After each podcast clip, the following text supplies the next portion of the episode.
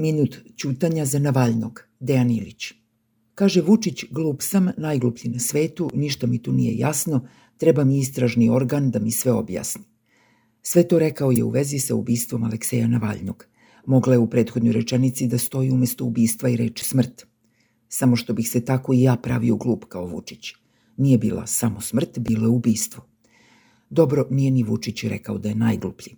I kada govori istinu, on uvek pomalo slaže. Rekao je, nisam toliko pametan kao svi u svetu koji unapred sve znaju. Pobogu, šta tu ima unapred da se zna? Unapred se već dogodilo i opšte je poznato, već je jednom bednik iz Moskve pokušao da ubije Navaljnog pre nego što ga je zaista dokrajčio. Imamo i priznanje jednog od dželata za to. Aljkav i sklon greškama, kao i Vučić, Putin se u drugom pokušaju silno potrudio da ne bude novog neuspeha. Poslao je Navaljnog u zatvor, Bogu iza leđa, izolovao ga, e kako bi mogao da mu uradi što god mu se prohte, dakle da ga ubije.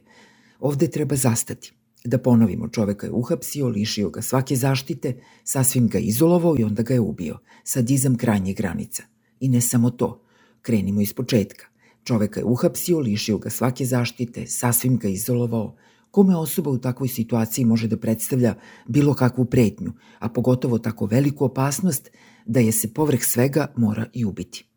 Koliko se samo Putin bojao Navaljnog, a koliko se Vučić boji Putina. To ćemo gledati narednih dana, nedelja, meseci.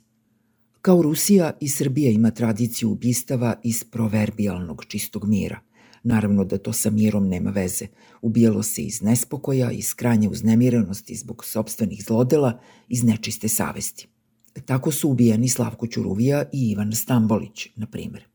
Što se tiče Vučićevih istražnih organa pak, oni u Rusiji rade kao i u Srbiji – Organi su u Srbiji oslobodili ubice Slavka Ćuruvije. Niko nije kriv. Desilo se.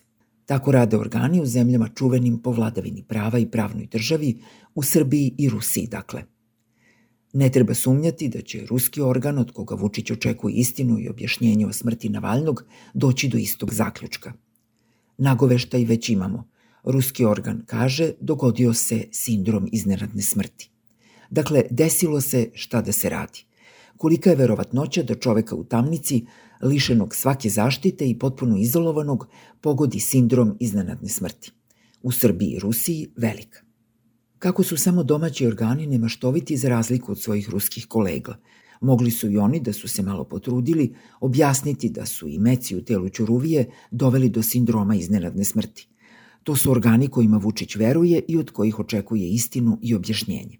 Pitati se zašto je Putin ubio Navaljnog, ne samo što ga je ubio, nego mu sad krije i telo, isto je što i pitati se zašto je Milošević, sa mirom ili bez nje, svejedno je, ubio Ivana Stambolića. Stambolić je već bio čovek u godinama, u penziji, izvan politike. Spekulisalo se da bi na izborima u septembru 2000. mogao biti predsednički kandidat udružene opozicije – Ako se dobro sećam, moguće je da grešim naravno, Stambolić sebe više nije video u politici i tu kandidaturu je, ako ne baš izričito, a onda implicitno odbio. Svakako nije se došlo ni blizu ozbiljnijih razgovora sa njim na tu temu, a o zvaničnom proglašenju u trenutku kada je ubijen nije bilo ni govora. Pa ipak je ubijen, a njegovo telo sakriveno, zakopano na Fruškoj gori da se nikada ne nađe. Slično kao što se sada krije telo Navaljnog ispade Srbija ruska kriminalna avangarda. Kao da je Putin hirovitost i bestijalnost učio od Miloševića, pa sad to znanje prenosi na Vučića. Samo nije tako. Vučić je učio iz prve ruke. Nije za poređenje jer ništa nije uporedivo sa životom, smrću, ali kad Vučić traži da domaći organi utvrde istinu o mogućoj izbornoj krađi od 17. decembra, treba imati stalno na umu da su to isti onakvi organi koji pravosnažnom presudom ovde oslobađaju ubice ili koji u Rusiji proglašavaju sindrom iznenadne smrti. Evo šta nije jasno. Zašto u situaciji u kojoj još neuporedivo jači od svojih suparnika, jer u domaćoj politici i dalje imamo samo suparnike, ne još i neprijatelje, Vučić ne ume bar ponekad da učuti. Ne mari za Navalnog, dobro. Ništa mu ne znači ljudski život, dobro. Divi se Putinu, dobro.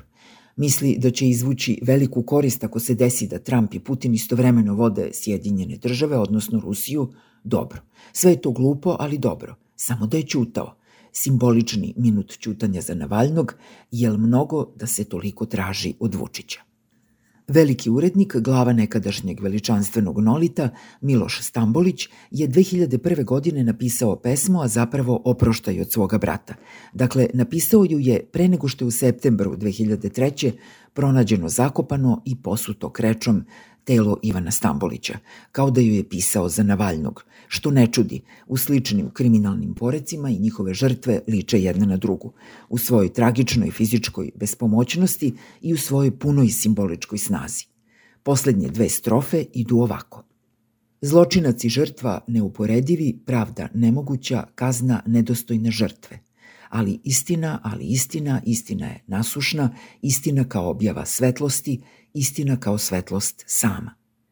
Zemlja, voda, vazduh, vatra, element među elementima, lakati zemlja, bistrati voda, plavo ti nebo, visok ti plamen, dobar ti dan, lakati noć. Nema tačke na kraju rečenica ni na kraju pesme. Istina ne da da se stavi tačka.